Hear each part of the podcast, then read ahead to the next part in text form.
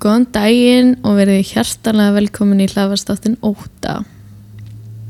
Ég heiti Heiðrún Ég heiti Magdalena. og saman ætlum við eins og hér áður fyrir að fjallum morðingja og Þess háttar. já, viðurstykkilega atbyrði. Mm Hvað ætlar að segja ykkur í dag? Herru, ég ætla að þakka fyrir góð viðbröð almennings Já. gagvart okkar podcasti. Við, Gekkja. já, við vorum ekki að búast við miklu, við erum mjög ánæðar. Já, þetta er bara dream come true. There is, there is.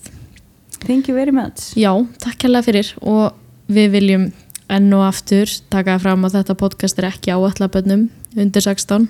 Og þetta podcast er sérstaklega gróft. Já, þetta er, þetta er viðurstyggilegt kvendi sem við ætla að taka hérna fyrir í dag. Kvendi. Kvendi, segir maður það ekki? Æ, ég veit ekki. Ég held það. Já. Við erum sko að um það það er starfsfólki í grunnskólanum sem, ég- sem ég vinn í. Þau eru að hlusta. Þannig að við þurfum að tala góða íslensku. Við þurfum að passa okkur. Þannig að- missum matalina vinnuna. Já. En við ætlum sérst að tala um hana Catherine Mary Knight. Ok. Hún er sérst frá Ástralíu. En sagan okkar byrjar í Aberdeen í Ástralíu. Aberdeen. Já, það er sérst hún Barbara Rógan, hún er gift mannið þarna sem byrja namni Jack Rógan. Þau áttu saman fjóra sinni og hún Barbara fór að halda við samstarfsfélag og vin eigimansi síns sem að heitir Ken Knight og þegar það allt komst upp þá þurfti hún að flytja til mór á samt Ken þar sem þessi menn voru svolítið vel þekktir í samfélaginu Mm. og þetta framhjáld var alveg reisastór skandall í bæjarfélaginu, þetta var bara allra vörum. Elsti börnin þeirra hjóna, þau eruð eftir á pappa sínum, honum Jack, en yngstu tvö voru sendið frængu sinnar í Sydney, þannig að Barbara er þarna ballaus með mannenum sem hún var að halda við.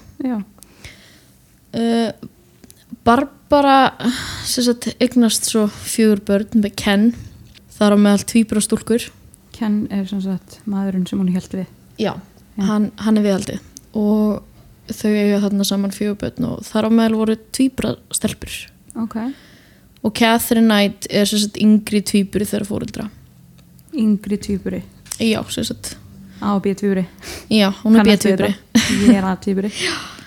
hún var sagt fætt þann 24. oktober 1955 á samt sýstur sinni Mm -hmm.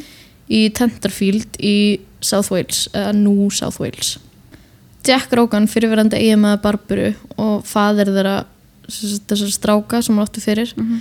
hann lést svo árið 1959 og strákarnir höfðu náttúrulega búið hjá honum þeir þurftu þá að flytja til mömmu sinnar og Ken.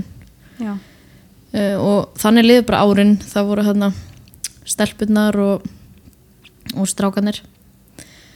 Og eini einstaklingur sem að Catherine líkaði eitthvað við var frændinar sem hétt Óskar. En hann framdi sjálfsvíður 1969 og hún var alveg með því sín og hjælti fram að draugur hans verið reglulega að koma í heimsók til hennar. Ok. Uh, það sama ár flytti fjölskyldan aftur til Aberdeen. Og sérst nóg langt liðum að þetta var ekki svona stór skandal lengur. Nei. hann Ken, fadur hennar Catherine, hann var harður alkoholisti sem notaðist oft við ofbeldi. Og hann áttaði stundi til að nauðga Barburu, mömmu hans uh, mömmu þeirra að segja alltaf tíu sinum á dag sko. Það var alveg rosalegt ofbeldi. Og Barbara laða í vana að segja dætrum sínum oft grófar lýsingar af kynlífinu eða kynlífinu ef svo má kalla. Sagði hún börnarinn sín það? já, hún var bara að segja um allt sem fór þar á milli. Alveg með grófar lýsingar og um hvað hún hataði kynlíf og kallmenn og eitthvað svona. En setna meir þegar Katrin var eldri fór hún að stunda vændi og fór í mikið af svona orgjum já, Á góðri íslensku. kynsvall með miklu eldri mönnum Já. og hún fór eins og til mömmu sinnar og sagði frá einu manni sem að vildi sem var sérst að stunda vænd- vændi með hann vildi sérst að hún myndi gera eitthvað í rúminu sem hún var ekkert alveg ána með Mm og bara bara sagði henni bara hætti sér helviti svo væli og gera það Já. það var kannski ekki, ekki að-klassa mamma Nei, myndir nú ekki segja það. en Catherine hefur haldið fram að margir kallmenn innan fjölskyldunar hefðu kynferðslega misnotað hana ekki pappina samt en þetta átti að hafa gerst allt fyrir 11 ára aldur þess að þessir frændur hérna voru kynferðslega misnotað hana. Það eru margir sem að hafa efasemdir um þú veist, hennar lýsingar á þessu, þannig að það eru margir sem að halda að þetta hafi ekkert gerst. Já. en Catherine var alveg talin góð stelpa af fjölskyldumöðlumum en hún átti við rosalega mikil reyðu vandamál að stríða yfir sko minnstu uppákomum þegar hún var lítil eh, eða yngri það var hún í high school, Miss Wellbrook High School Já. hún var rosalega mikil einfari og sögð vera svona eineltiseggur og hún alveg drottnaði svolítið yfir smerri bönnunum, hún var svolítið mikið að leggja þau einelti Eh, hún réðist á að minnstu kosti eitt strák í skólinu með vopni Já. hún var sagt valdur af ávirkum kennara líka en Katrin sagðist þá bara hafa verið að verja sig Já, kennurinn átti að hafa verið eitthvað. Já, hann átti sagt að hafa eitthvað verið að og díana eða eitthvað svo leiðis og, og hún hafi sagt bara meitt hann eitthvað. Mm en þegar Katrin var ekki í þessum svo kallu reyðiskostum þá var hún alveg talin mjög góðu nefandi og fekk stundu verðlun fyrir góða hegðun. Ok. en hún hætti í skóla þegar hún var 15 ára án þess að hafa lært að lesa og skrifa. Hún átti að mjög erfitt með nám en hún var alltaf að fá svona viðurkenningar þegar hún var að standa sig vel að því hún var svo rosalega reyð alltaf. Mm. Uh, en hún fekk starfi í fataversmiðu sem einhvers konar klæðiskeri en tólmánuði setna hætti hún þar og fekk sér satt vinnu við það sem hún kallaði draumastarfi sitt en það var í sláturhúsi. Og hún fekk fyrst vinnu við að vera að skera innibli úr sláturinn dýrum það er að segja bara svona gatnir og þannig Já. sem maður sér oft. Hjá svona fiskvinnslu og þannig. En hún fekk setna stöðuhækkun og þá fall starfinar í því að úrbeina dýrin og hún fekk að gjöf þegar hún fekk þessa hérna, stöðuhækkun. Það fekk hún hnífasett sem hún hjælt mjög mikið upp á. Hún hengdi þetta fyrir ofan rúmi sitt og sagði að það veri alltaf til staðar hún þarnaðist þetta er svolítið raukt flagg í mínum ögum Já, þetta er svolítið en skrítið. En já, þetta var rosalega mikil huggun fyrir hann að fá þetta hnífast þetta sem að það var sannlega í fyrsta skiptið sem hann var gefið eitthvað fyrir vel unnum störf þessi hnífar fylgdinu síðan bara allt frá þeim degi. Hún var alltaf með frá rúmi sitt þótt hún flutti eitthvað. Mm en Catherine kynni svo samstarfsfélagi sínum hún David Stanford Kellett árið 1973 hann var harðið drikkjumæður og Catherine drottnaði yfir honum og réð ferðin eila bara alveg sjálf í þessu sambandi ef að David lendi í slagsmálum var Catherine ekki lengi að koma á milli og bara hnúa hann á lofti og vísa honum bara út í hotn hún var alveg hörku kvendi sko. Já. en hún var þekkt í Aberdeen sem konan sem bara myndi leggjast til allugu ef eitthvað var ógnin, ógnin eða gera hana reyða og árið 1974 þá giftu Catherine og David sig. Og þegar verðandi hjónin voru leiðin í brúköpi þau voru sérst rúlanda um hann á móturhjóli og leiðin í, í hérna veisluna Já. uh, þá, já, geggja ég myndi allan daginn alveg vilja vera móturhjóli í mínu einn brúkupi, en já, já. En hann var alveg blind fullur og hann bara sveiflaði bara um á móturhjólinu bara eins og ekkert veri og hérna þegar hann kom þangað í veisluna þá sagði mammans nei, mammana Catherine segi hún Barbara, hún gaf sagt, David ráð. Og hún segir þar að hann ætti að passa sig annars myndi Catherine fucking drepa hann ef þú æsir hana upp eða gerir eitthvað rangt þetta er fucked. Ekki eins og ég láta þetta þetta til hugar að halda fram í hann og má fucking drepa þig. Lilla orðbræð. Þetta, þetta eru orð Barbaru, mömmuna Catherine svo bættum við við endan að Catherine væri með lausa skrúfi í haustum á brúkupsnóttinni reyndi Catherine að kirkja David. Ok. þau sem sagt voru búin að stunda kynlíf þrjusvarsinum og hann sopnar Mm og það var ekki alveg eftir vilja Katrín en hún vildi stunda kynlíf allavega fimm sinum á brúkursnóttinni vegna þess að fóruldrar hennar hefði gert það hér fóruðum. Új. Já, ok. Það er svolítið. ganga eða þannig að Já, hún var svona einhvern veginn að reyna að... feta í fótspór fóreldra sinna. Já, svolítið. En hjónabandi þeirra var rosalega stormasamt og ofbildisfullt. Eitt skipti þegar Katrín var ófrísk og alveg á steipurnum þá brendi hún all fötun hans og skona og sló hann svo aftan á höfuðið með steikapennu. Vá. Þetta gerði hún vegna þess að hann hafi komið sent heim hann var sérst að keppa í pílukeppni komst í úrslit og var sérst bara að fá sér bjór með strákunum eftir. Á já, bara fagna og hún slæðir hann hann með steikar pönnu í kjölfarið. Vá. og skelvingu lostin flúði David í nákvæmn hús um, en svo datt hann bara nýður þar fyrir framann hurðina. Hann þurfti alveg gríðarlega læknist aðstöð til þess að reyna að laga brotni höfukúpuna hans. Hann sagt brauta á um höfukúpuna og lögreglan vildi kæra en hún Catherine var með rosalega svona manipulative hérna hún náði alltaf að snúa öllu sér í hag. Já, og hún segir sérst, hún, hún sannfæri bara David þess að draga kæruna tilbaka og í mæ ára 1976 stutti eftir fæðingu fyrsta batsist þeirra henni Melissu N það fór David frá Catherine og fór að halda við aðra koni í Queensland hann sagðist ekki geta að lifa með ofbildishæðun Catherine segir satt. Og daginn eftir sást Catherine út á göngu með batni í vagninum. Og hún vaggaði vagninum alveg svona fílt harkalega þannig að krakkin var bara flegi ferði í vagninum. Ok. Og það var sérst kona sem sá þetta og ringir á aðstöð og Catherine var það lögð inn á St. Elmos spítalan í tegumorð þar sem hún var grind með rosalega slemt fæðingafunglindi já, hún var alveg þrjár vikur að ná sér þar. Eftir henni var svo sleft þá lagði Catherine dóttur sinna Anna Melissu á játbrautateina hún var hérna tveggja mánuða gömul. Og hún vissi sér að það væri lest á áallun hana eftir, eftir bara- hálftíma eða eitthvað svo leis já, hún bara skilur barnið þarna eftir. Svo fer hún í nálega vestlun stelur exi og hjælt svo inn í bæin og hótaði alveg nokkrum einstaklingum líf, lífláti. Var hún eitthvað veik og geðu en hún var náttúrulega rosalega þunglind þarna. Þarna er hún náttúrulega ekki komin inn í aðra greiningar. Nei, en það var svo maður sem var þekktur undir nöfninu gamli Ted það var svona vinalegur eldri maður. Hann var á gungu þetta nálægt lestatænunum og fann Melissu og bjargaði henni bara frá hræðilegum döðda að bara fá henni mínútum að hann að lestin átt að koma og Katrin var þá aftur handtekinn og ferðin á St. Elmos spítalan en hún náði ykkur hluta vegna að skrá sig út sjálf daginn eftir og fekk dóttur sinni þá bara strax aftur í fangið. Já, sem hún hefði reynd að verða að bana hann að daginn aður en okkur döðu síðan reðst svo Katrin á konu með nýf og skar hann í andlitið og krafðist þess að, þessi tildagna konu sem satt myndi keira hana í, til Queensland í þeim tilgangi að finna David og drepa hann og viðhaldið hans. Já. En konan flúði þegar það eru stoppað á sérst, bílaverstaði það er oft svona bílaverstaði pluss bensístöð mm. þær voru sérst að fara að taka bensín eða eitthvað slags og það er nærin að flýja. En þegar lauruglega kom á svæði þá hefði Katrin tekið lítinn strák sem gísl og hóta honum með nýpnum sem hún hefði skori hérna á konun í andliti með. Og lauruglega náði á endan með yfirbugana og taka af henni vopnið og hún var lögðin á Morissett geðspítala já, Catherine sagði hjúkurinn á konunum þar að hún hefði ætlað að drepa velvirkjan á verstaðinu af því að hann hafi lagað bíl David sem gerður hann klift að flýja Catherine.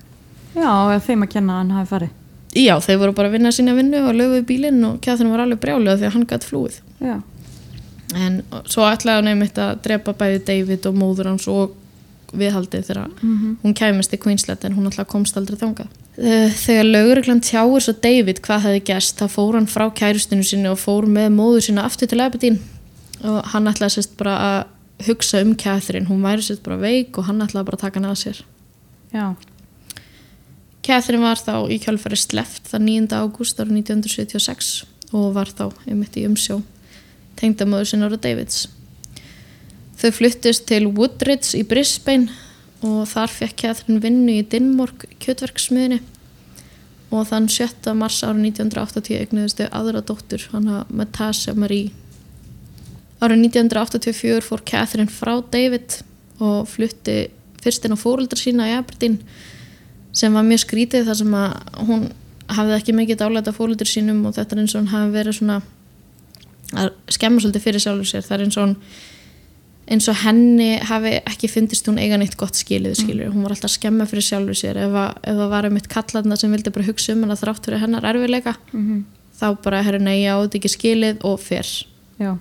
Hún er með svona svolítið trublaði hugsun þar sko. Mhm, En hún fór svo fljótlega að bara leiða sér húsnaði í grend við Muswellbrugg. Uh, hún var ennþá að vinna í kjötversmiðinu þegar hún slasaði stíla í vinnuslisi. Ok, Hún sem sagt baki hennar fór alveg og þá fór hún á öruskubætur sem gerði henni klift að hætta á leigumarkaði og fá niðurgreita íbúi í Aberdeen frá samtökum öryrkja. já, hún var sérst ekki Hún var bara óvinnuhæf og fekk þá svona útlita íbúð. já, já, ég skil En Catherine kynnist svo gömlum námuverkamanni, honum David Sanders árið 1986. Annar David Já, ok hún er, er rosalega mikið í, Davidunum já, og svo er- eru tveir aðri sem eiga líka samanafn, þannig að já, ok ég byrst forláts eða rugglu svo saman. já, En við skulum bara kalla hann Sanders svo þið rugglist ekki á mununum. En hann flutti svo inn á Catherine og tvær dætur hennar en held þó íbúðinu sinni í skón, hann bara leiði hann út til að fá tekjur fyrir hana. Catherine byrjaði að snemma að sína mikla afbríðsum í Garð Sanders og hún það til að henda honum út af heimilin út af afbríðsumskostum. Og hann fluttist í þau skipti aftur í íbúðinu sinni í skón sem að hann bara sagði upp leiðundunum í og þú veist, hafði hana bara við hendi ef eitthvað kemur upp að því að hún var mjög gjötn á að henda honum út. ok En Katrín kom alltaf aftur með skottaði milli lappana og baði um að koma aftur. Hún var svo rosalega manipulative já, að það einhvern veginn fjallu bara, þú veist, hann fjallst alltaf fyrir því. Í mæ árið 1987 þá hérna hafði þessi satt Sanders fengið sér kvolp tvekja mann, á kvolpur það er maðurinn hans og hún skar hann á háls í þeim tilgjangi að sína honum hvað myndi gerast ef hann myndi halda fram hjá henni. oh Hún sló hann svo í höfuðið með steingapennu svo Sanders misti meðvitund. Hún svolítið að vinna með steingapennu þar. oh my god, fólkurinn ég er rosa erfitt með Já, ég líka. dýr eru Ég, en, bara já, ég er náttúrulega ólst upp með hundum og já, tvo hunda, þetta er alveg að versta sem ég veit já, þetta er svo ræðilegt. eru sko. að fjallum morð og pyntingar mennsku fólki Já, hundarnir er eitthvað verra, ég veit ekki hvað hits, hits different sko. Hundar, börn og gamalmenni, þá er ég alveg með mín. Einmitt. En í júni ára 1988 fætt hún þriðja barnið, hana Söru. En það hvatti sérst Sonders til þess að kaupa hús undir fjölskyldina og hann sérst borgaði innborgun inn á húsið en svo borgaði Katrin flest alla reikningana. veist, eftir að hún skar hálsin á Já, hundum hann fór ekki. Hún var hann fór rosalega- ekki frá henni Nei. Já, þau verið afsakaði heyrið vindkviður, Já. það er svolítið óveður úti. smá spúki Já, hún sérst var að borga flest alla reikningar og svona nýjungurislur og þannig hún var einmitt, fekk tryggingafið frá öröskunni árið 1989 sem að gera henni svolítið klift að borga svolítið mikið niður. Já, hún Katrin var með rosalega skrítin innan hús stíl, ef ég má segja það. ok Hún skreitti heimili með dýrafeldi, hauskúpum, hotnum, gömlum dýragildrum, svona svo bjarnagildrum og þannig. Leðurjökkum, gömlum hermannastífulum, sveðjum, uh, hrífum og heigöflum. wow. Og það var ekki drými sem var ekki þakki í þessu skreitu, lofti í húsinu var með svona föstum og já, fallegum skreitingum þetta var allstað sko. wow. Eftir eitt rifrildi þá sló Katrin Sanders í andliti með játni, svona uh, straujarni og stakk hann svo í kjölfarið í maganum með skærum. Hann lifið þetta af og flytti aftur til skón en þegar hann snýri aftur til að sækja augunni sínar þá hefði Katrin klift öll fötin hans í baka fyrir og bara skemmtið. Og Sanders fekk frí í vinnunni og fór bara í félur, hann bara hrættur. Og Katrin reyndi ítrekka að finna hann en það sagðist enginn vita hver hann væri. Og nokkru mánuði liðu og Sanders snýri þá aftur í þegar við vonum að hitta dóttir sinna, hann ringi bara inn og bara má ég please hitta barnið mitt. já, Og þá komst hann að því að Katrin hefði farið til lauruglar og sagt sem að hún hafi óttast hann. Hún sem snýri márunu alveg við og fekk í kjölfarið nálgunabann á hann. Þannig að hann fekk ekki að hitta dóttir sinna. oh my god Og árið 1990 var Catherine aftur ólétt eftir annan mann. Það var eftir einna nætu gaman með hennum 43 ára gamla John Chillingworth og fætti svon þannig Erik árið setna og þau sérst, byrjuðu bara saman út af því að það var komið barnin í myndina og sambandi þeirra endist í þrjú ár þar til að Catherine fór frá honum fyrir mann sem hún hefði verið að halda fram hjá. John með en það var hann John Price þannig að hann við komið tvo John og tvo David. En þetta var sérst John Price sem hún fór að halda við. Ok, það er ekki pappi barnana hennar. En John átti þrjú börn fyrir þegar hann og John Catherine Price átti þrjú bött fyrir þá. Já, John Price átti Já. þrjú börn fyrir þegar þau fara að halda saman. Ok, og hann var talin mjög vel liðin í samfélaginu. Hans fyrra hjónaband var loki ára 1988 og hann var bara búin að vera singul og tveggjara dóttir hans varð eftir hjá fyrri eiginkonans og tvö eldri börnunars fór með honum. Til Catherine til Catherine. Á hennar stambíla heimili. Já, en John viss alveg af þessari ofbeldisfullu hægðun en það stoppaði hann ekki, hann var svolítið mikið bara þannig að hann vildi fá að pröfa hlutana fyrir sjálfa sig. Mm. Hann dæmdi ekki fólk út frá frásögn annara það er endarlega góður. Það er góð kostur en það er tímastund og þetta er alls ekki tími nýja stundin Nei, með henni. hann flytur sérst þar inn árið 1995 og börnunum hans líkaði mjög vel við hana. Ok, og þrátt fyrir mikil rifrildi og ofbeldi millir John og Catherine sagðist John alveg vera hamingjusamur. Ok. Uh, árið 1998 var svo risastort rifrildi þeirra á milli. Uh, og það var að því að Catherine vildi að hann myndi byggja hana að giftast sér en hann vildi það ekki. Ó. þá tók hún bara eitthvað brjálæðaskast og hún sagt, tók hérna, myndavill og tók vídeoupptökur hann hafði sérst komið heim með eitthvað svona eh, gerir ráð fyrir að þetta hafi verið svona first aid kassi sem átt að fara að henda í vinnunni hjá honum. Og hann stelur því hann slýsa kassi Já, og hann kemur með það heim. Já, og hún spyr hva, hvað þið þetta? Var eitthvað að gefa þetta vinna hann er nei, ég tók þetta nú bara, þú veist. Ógislega saklust, veist, hann bara tók þetta að það átti að fara að fargisu já, og hún tekur þá bara vídeoupptökur af því sem hann hefði tekið e, frá þessu fyrirtæki sem hann var að vinna hjá og sendi yfirmanninum sem hann var að vinna fyrir og var í kjölfari rekin úr starfinu sínu eftir 17 ár. Oh my. Og þann sama dag hendi John Catherine út af heimilinu þú veist, hann var bara ekki sáttu við þetta. Mhm. og það fréttist alveg út um allan bæ að þau voru hægt saman. Og nokkru mánuði síðar þá tóku þau aftur saman. Þetta var rosalega mikið bara inn og út og inn og út alltaf með alla mennina hjá Já. henni uh, rifrildin urðu þá nánast bara daglegt brauð og vinir hann sögðu um við hann að hann ætlaði, uh, þeir ætluðu ekki að eiga í samskiptu við hann og meðan að hann væri með henni.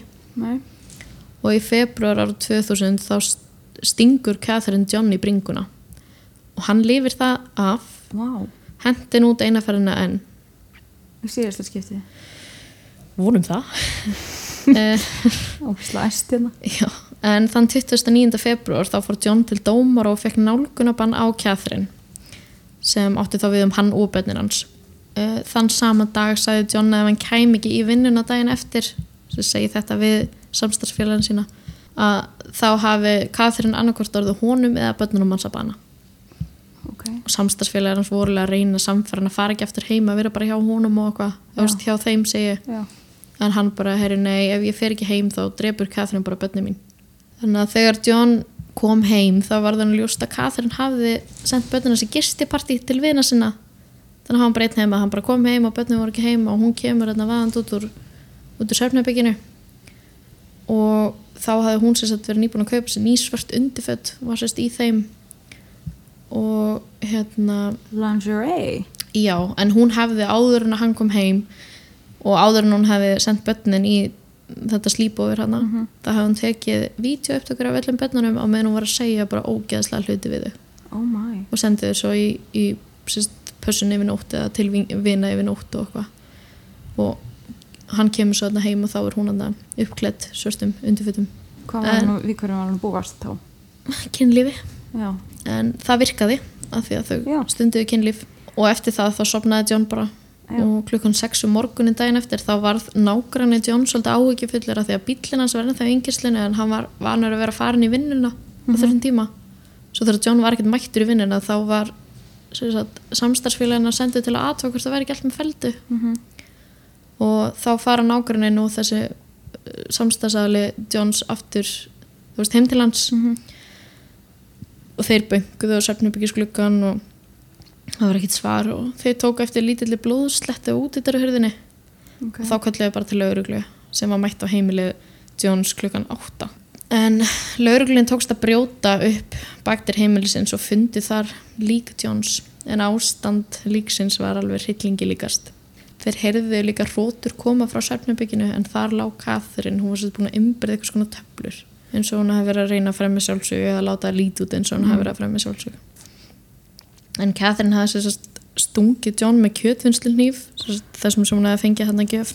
Já, og meðan hann svaf. Og hann hefði sérst vaknað og reyndi að kveikja ljósi þeir gáttu sérst sé það af öllum blóðslettunum út um allt. Mhm. og hann hafi vaknað og hafi sérst reyndi að komast út. Og hann sagt hleypur út úr herbygginu og hún hleypur út eftir honum og það er eitthvað smá eldingarleikar í húsinu og hann kemur að út eftir henni og næra að opna en hún dregur hann með öllu líkitum bara aftur inn á gangin og hann fannst þar látin. Hún var bara með eitt í huga og hann ætlaði bara hann átti bara að deyja. Mm en Catherine fór svo til Aberdeen og tók út þúsund ástralska dali í raðbanka út af hans reikningi og kom svo aftur heim. Uh, í krupningaskíslu John Skaflir kynna að hann hefði verið stungin í að minnstakosti 37 skipti á bæði fram og bakli líkamanns og það voru margar stungur sem komist alveg í snertingu við mjög mikilvæg líffæri. Uh, nokkru klukkustundum eftir að hafa stungið John til dauða þá húflett hún líkið hans. Oh hengdi húðina svo á kjötgrók sem var á hurðakarminum sem leitin í stofu. almótur já, þetta er ógislegt sko. Og svo skar hún af honum hausinn og eldaði söma líkamspartan hans. Hún eldaði sérst kjöt af honum með bakari kartablu, graskeri, kurbít, Oh káli og sósu bar svo fram á borð með borðhaldi fyrir bötun hans. Hún sérst kom fyrir nafnspjöldum með nöfnunum og bötunum hans og ætlaði sérst að láta bötnin borða pappa sinn. Oh my god. Voru börninars heima? Ekki þarna, hún er náttúrulega sendið þetta í já, næntubössun alveg rétt. en hún sérst ætlaði greinlega matræða hann fyrir bönni sín þegar þau kemur heim. Það var búin að matræða þau maturum beði bara hann eftir svo var þriðja máltíðin sem var gerð fannst í bakgarði húsins af einhverjum á einhverjum ástæðum en það er haldið fram að Katrin hafi reynd að borða matin en ekki geta það og þó hent þessum diskút já, Þetta hefur verið notið þessu vörn í réttamálunum yfir henni sem ég vilja meina að þetta hefði gefið til kynna að hún hafi ekki munið eftir gjörðum sínum. Sé ekki alveg tenginguna þar á milli sko. en svo fannst höfuð á John í potti með grammeti. Oh my god. Og potturinn var ennþá volgur þegar laurugla mætti á stað. Hann var alveg við 40-50 gráður Celsius uh, lauruglumæður sem opnaði pottin lísti atvikinu þannig að hann hafi séð svona rúsinulegt andlit. Þetta er svona eins og þú fær rúsinuputta að andlit af hann hafi bara verið þannig og hérna þetta er brútal. Já, og sérst, augun horfðu bara beint upp á var- hann var með opin augun. Stað alveg hræðilegt sko. En hitast í þá pottinum gaf það til kynna að hún hafi eldað hann enda snemma daginn sem að hérna, laurugla mætir Vist, hvort það hafi verið bara um fimm um morgunin eða eitthvað. En hún hafi líka vafið vinstri handlegg á sérst, líkamannum já, utan um tóma uh, eins og hálslítið skóstrykjaflösku og krosslaði fætunar hann svona, hann svona sat einhvern veginn svona með tóma gósflösku og með krosslaði fætur. Var hann í einhvern stól þá það það kom ekki fram. Ég held að þetta sé bara á ganginum þar sem hún hafi drepið hann. Já, og þar er hún búin að stilla hann um einhvern veginn svona upp. Já, ok. En það var haldið í fram í réttarhöldurum að hún hafi gert þetta út af mjög mikill fyrirlitningu á John. Mm. og Catherine skilur eftir miða með svona blóðu og litlum litlum nöppum af holdi ofan á ljósmynd af honum ofan á John.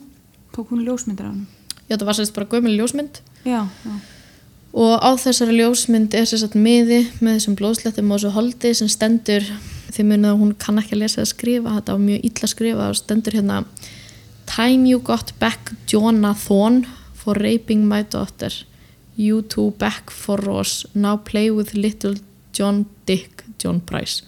Veist, þetta var mjög óskiljanlegu miði. Hann hafði hann semst nöðga dótturinnar hún vil halda því fram en það eru engin sönnugögn sem segja til um það. En uh, þessi miði var líka ekki talin margtækur þú veist, af því að þetta var bara hún hefði bara verið í ykkur geðsræringu þarna, Já. halda margir en í réttarhöldunum þar 2. februar 2001 var búið Katharine upp á plídíl sem að hún myndi bara sitja í fangilsi og það væri engin döðurefsinga en en hún neitaði því og hún sagði sérst að hún væri saklus uh, og þessi réttarhöld stóð alveg yfir til 23. júli en það þurfti að stoppa þessi réttarhölda því að meðlumir kvitumsins þurftu bara sífill að kasta upp og hlaupa fram og þau báðu bara um að hætta í kvitunum að því er henni líki hreinlega gátt ekki hort upp á hann hrylling. Og- þetta er rosalegt sko en þá voru önnur réttarhöld sett þann 15. oktober ára 2001 já, og- þetta er eitt lengri síðan. Nei, nafnilega ekki sko. En dómarinn í málinu, hann Barry O'Keefe bauð sem sagt 60 meðlumum kvitósins að hætta vegna kvik, eða þú veist, ljósmynda af vettfangi, þú veist, af því þau bara gátt þetta ekki. Nei. og fimm þáðu það bóð og nokkur til, viðbútar fengur svo hætta eftir fleiri ógeðföld sönnugögn þú veist, þau bara gátt þetta ekki. Kvitómi var svo lagt að leggja niður störf eftir að Catherine bara breyttist hugur og þáði þetta plítil og sagðist seg ok, og löffræðingar Katrin hefði sérst ákveða að reyna að fá læknismat sem að segja til um andlega veikindi. Já, þeir fengu geðmat og læknarnir töldu að hún hafi haft minnisleysi varðandi gjörðir sínar en þeir töldu hana samt heila og geði. Byrju af hverju var hann þá með minnisleysi? Hún hefur bara verið í eitthvað svona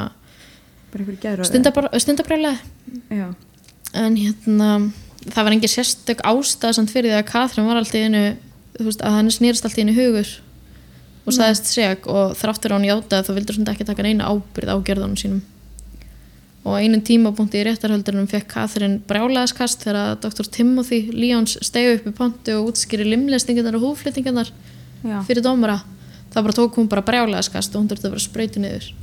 Tókum brjálæðiskast þá bara já hún bara trompaðist, hún bara byrjaði að öskra og sveifla frá sér og bara berja út í loftið. Var það bara út af því að hann fannst þetta ógæslegt eða hvað?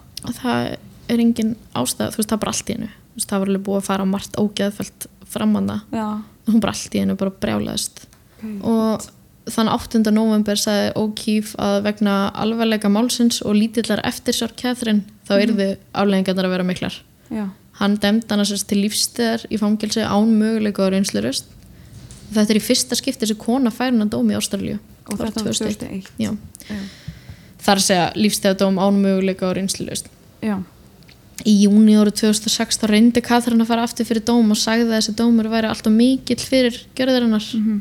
og dómararnir Peter McKellan uh, Michael Adams og Megan Latham mjög lélega borið fram. Uh, þeir gáðu henni sérst ekki möguleika á nýjum réttarhöldum. Og McCallan sagði þessi orð.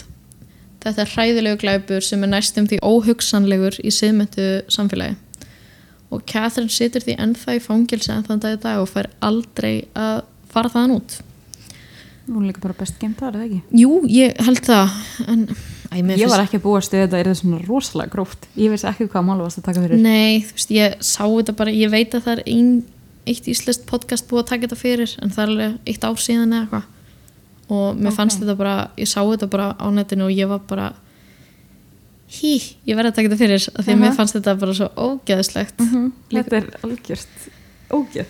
Já, það má segja það sko. Líka bara hvernig, ég skil ekki ég mun aldrei skilja það hvernig fóreldrar geta orðið börnunum, eða reynda að verða börnunum sínum að bana eða bara meiða börnin sín á einhvern hátt, þetta er bara svo fjarrri mér. Algjörlega, veist, þetta er ótrúlegt ég á tvö börn og alveg saman hvað þau myndi gera ég geti aldrei gert þeim neitt. Nei. Þú veist, ég, ég en skil hún þetta var ekki. sérst þá ekki grind með neina gefa sjúkdóma Nei, hún var bara grind hérna með eitthvað stundabrjálega eða, eða þú veist, en þess að þrátt fyrir hennar hægðanir í gegnum bara lífið? Já, hún hefur sennilega verið með eitthvað sem er ekki búið að greina. Ég meina með að við þessi reyðskvist sem hún er að taka þarna og þú veist. nú hinn. Já líka bara að, að vera að ráðast á börn í skólanum og verða fyrir ávirkum og kennarann sín skilur Mhm. Það er ekki eðlileg hegðin en það er náttúrulega líka mamminar var náttúrulega svolítið kúku líka sko. En þetta er svolítið algengt að börn verða já þú náttúrulega, þú sem fóreldur ert að móta barnið út í samfélagið. Algjörlega, og allt sem að, allt í kringu það líka, þú veist, þessu skólin og allt þetta, þetta mótar allt bönni Mm þannig að hún, ég held að hún hafi bara verið virkilega bara áttu virkilega erfitt fyrir heima með, hugum vel að börnunum okkar já, við erum að passa upp á litlu bönnin okkar, þau eru mjög dýrmætt og við þurfum að leiðbeina þeim rétt í lífunu algjörlega. En ég vona að ykkur hafi fundist þetta áhugavert og leiðilt að segja það en skemmtilegt frá því að þetta sé ógeðslegt en, en mér finnst persónulega skemmtilegt alveg fyrst og en hérna árun og við kveðum ykkur þá megið endilega að follow okkur á Instagram. Já, og, Við- og, og fylgja eða subscriba eða líka Follow. við follow á þeim, þeirri veitu sem þeir eru að hlusta á en við erum á Spotify, Apple Podcast og fleiri við erum á mjög mörgum við erum á mjög ég veit ekki mörgum einu sinni á veitum veitum við erum en við erum allavega á Apple podcast við erum á Spotify. Spotify, við erum á einhverjum, ég veit ekki við erum á mjög mörgum veitum Við erum á mjög það mörgum sem að veitum. þér að nota Já, bara það er bara follow bara. follow og subscribe á okkur Já. og reytið okkur. Já, og ekki, og ekki vera feimin við að senda okkur ef að þið vilja að við gerum eitthvað betur. Já, og líka bara ef þið erum með hugmyndamáli eða Já. einhvað sem við vilja heyra þá með endilega senda ykkur línu á Instagram. Við þurfum að gera svona poll mm svona, með svona question, hvað Já. vilja að við tökum næst? Það verður mjög gaman, ég verður alveg til að fá að heyra frá ykkur. Aha. Instagram okkar er ótti podcast Ótti podcast og þar er koma fram myndir af Já. flestu mál sem við tökum. Ef það eru myndir á netinu þá setjum við það þar inn. Mm þannig að bara þanga til næst. Hafið það gott. Bye bye bye